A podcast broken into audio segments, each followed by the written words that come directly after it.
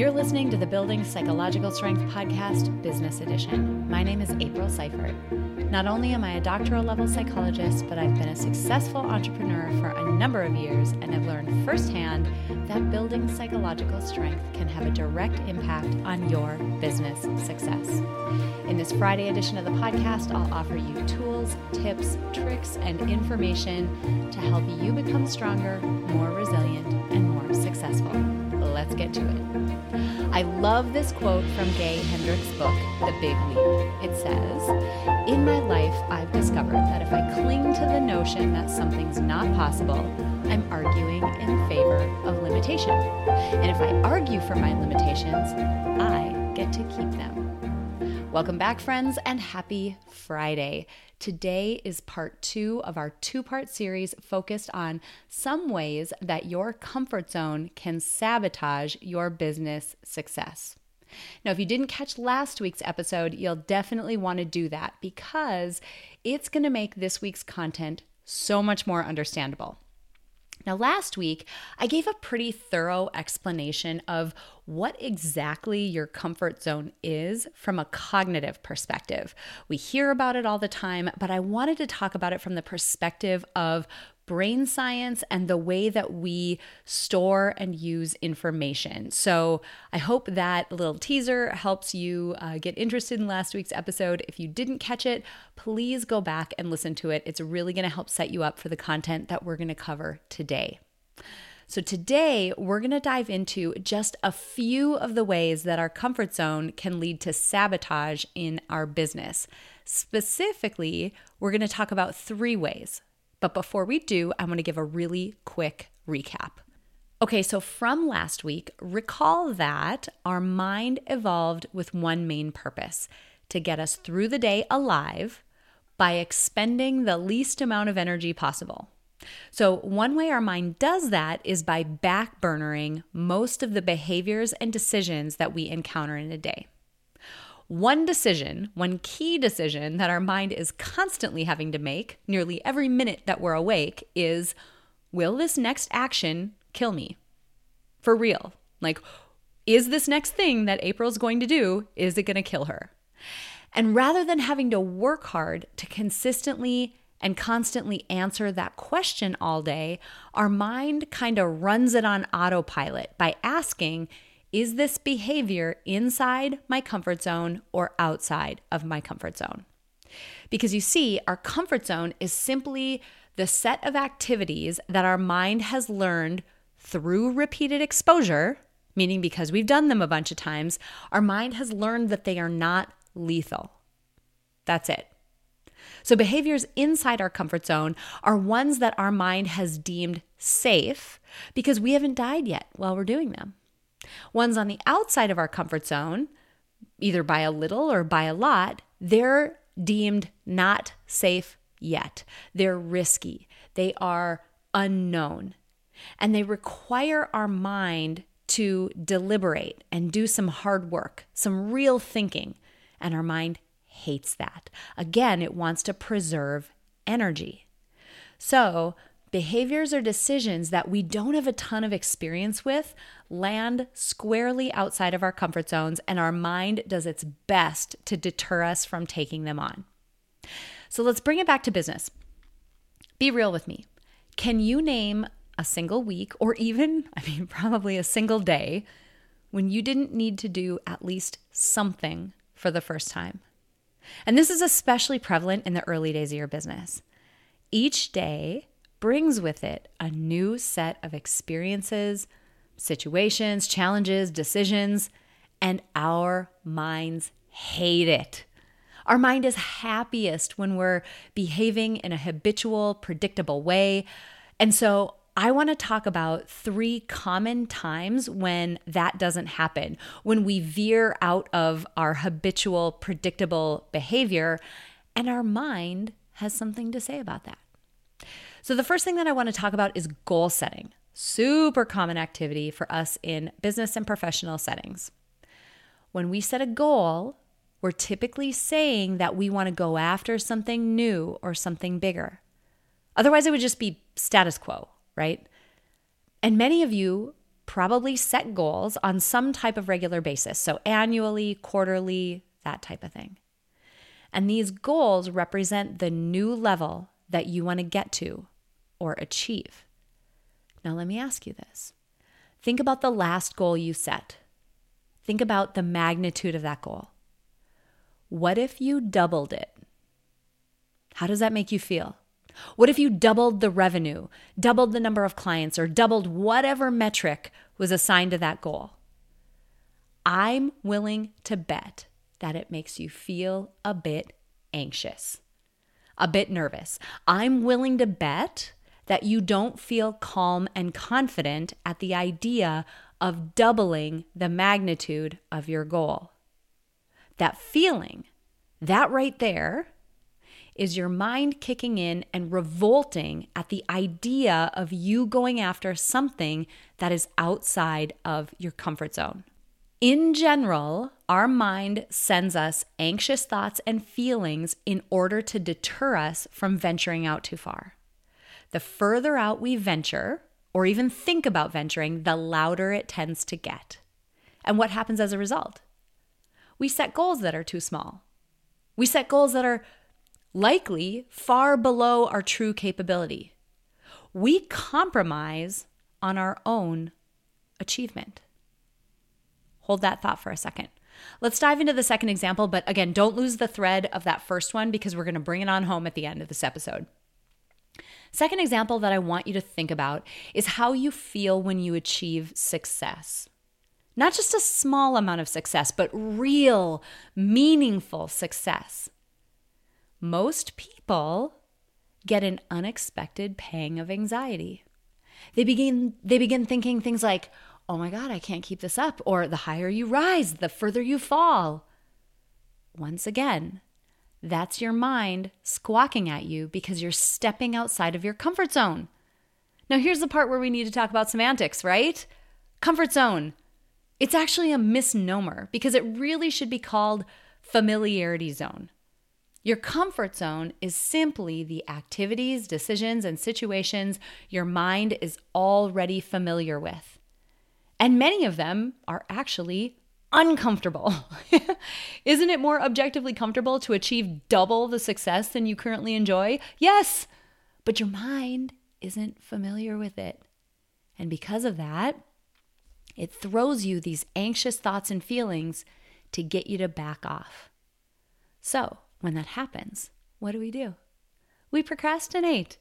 We self sabotage. We begin to pump the brakes because we're not used to operating at that level and we limit our own success. All right, one more. Third one. Have you ever been in a position where your workload is too high for just you to accomplish it, but you felt like you couldn't delegate any work to somebody else? I'm willing to bet that not delegating is a habit for you. Jumping in and getting things done, it's likely the way you've operated for a long time, and probably one of the reasons why you're successful. And your mind has grown accustomed to you doing all the work. Now, I hope you're already jumping to the conclusion here.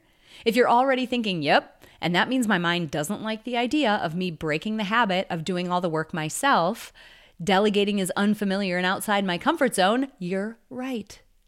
For many of us, we begin our business journey by doing everything ourselves and making the transition to delegating to a team, it can be so hard. And our minds don't help us out at all. They send us thoughts like, oh, it's going to take twice as long to train that person than if I did it myself. Or they won't do it as well as I can do it. I'm better than them. Or I don't have the money to hire somebody full time. And because of these anxious thoughts and feelings, we're less likely to delegate and our business doesn't grow. So let's recap these three examples and do know that these are just examples. There are dozens more. Our comfort zone makes us set goals that are too small, number one. Number two, it makes us sabotage if we achieve too much too fast. And number three, it causes us to avoid getting the help and the support we need in order to grow our business. What? I mean, think about that. Put all that together, and you can see where our comfort zone is such a limitation for us. There's an antidote, though. And just by listening to this episode, you've already taken the first step. You're becoming aware of when you feel those anxious feelings and experience those anxious thoughts. You're understanding that it's just your mind intervening, that they really don't mean anything. Already, just because of your the fact that you're taking the time to be here, you should be patting yourself on the back. But let's go even one step further. The next thing I want you to do is to start practicing putting some distance between your chattering mind and you. You've heard me and probably a million other people say it all the time you are not your thoughts. So the next time you find yourself thinking, oh my gosh, I can't keep up with this level of success, or any of the examples that we've used here, or any other ones that would fall into this domain, I want you to reframe it linguistically. I want you to say, instead of, I can't keep up with this level of success, I want you to say, I'm noticing that I'm having the thought that I won't be able to sustain this level of success. Let's dig into the nuance there. By saying the words, I'm noticing, you're taking the position of an observer of your thoughts rather than fusing with them or being hooked or caught up by them. You're just observing them. And then by saying, I'm having the thought that, you're acknowledging that it's just a thought. It's not capital T truth. It's just a thought that you're having, and it has no bearing on what you actually can or can't handle. I'm noticing that I'm having the thought that, and then state whatever it is you're thinking. For real, it seems so simple, but try it out.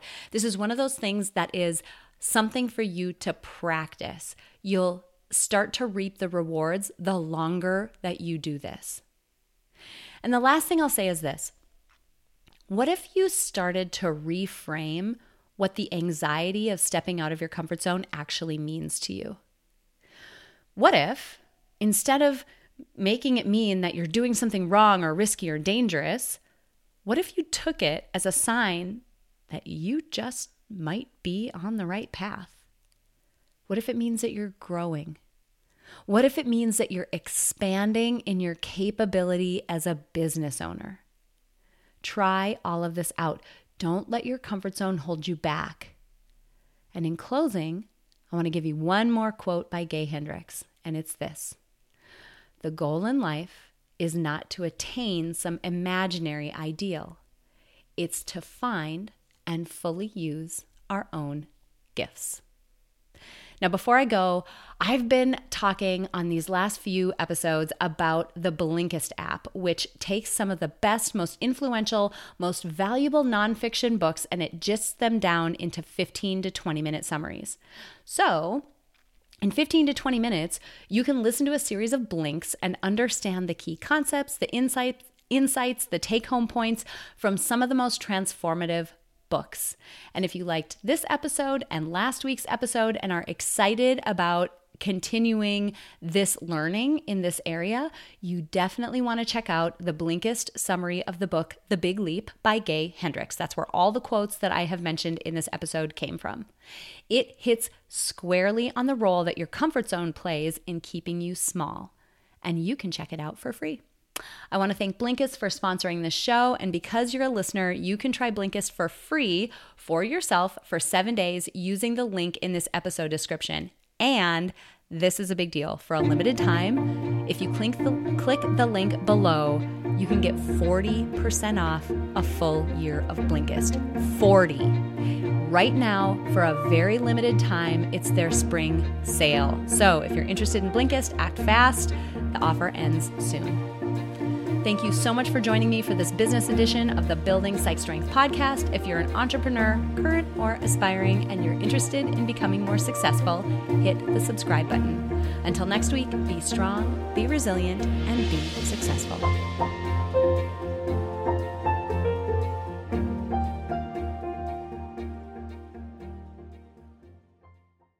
At Parker, our purpose is simple. We want to make the world a better place by working more efficiently, by using more sustainable practices, by developing better technologies, we keep moving forward.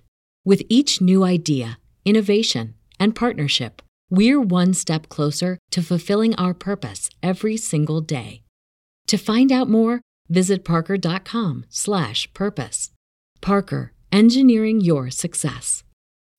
As humans, we're naturally driven by the search for better. But when it comes to hiring, the best way to search for a candidate isn't to search at all. Don't search, match with Indeed. When I was looking to hire someone, it was so slow and overwhelming. I wish I had used Indeed. If you need to hire, you need Indeed. Indeed is your matching and hiring platform with over 350 million global monthly visitors, according to Indeed data, and a matching engine that helps you find quality candidates fast. Ditch the busy work. Use Indeed for scheduling, screening, and messaging so you can connect with candidates faster. And Indeed doesn't just help you hire faster. 93% of employers agree Indeed delivers the highest quality matches compared to other job sites, according to a recent Indeed survey. And listeners of this show will get a $75 sponsored job credit to get your jobs more visibility at Indeed.com slash podcast. That's Indeed.com slash podcast. Terms and conditions apply.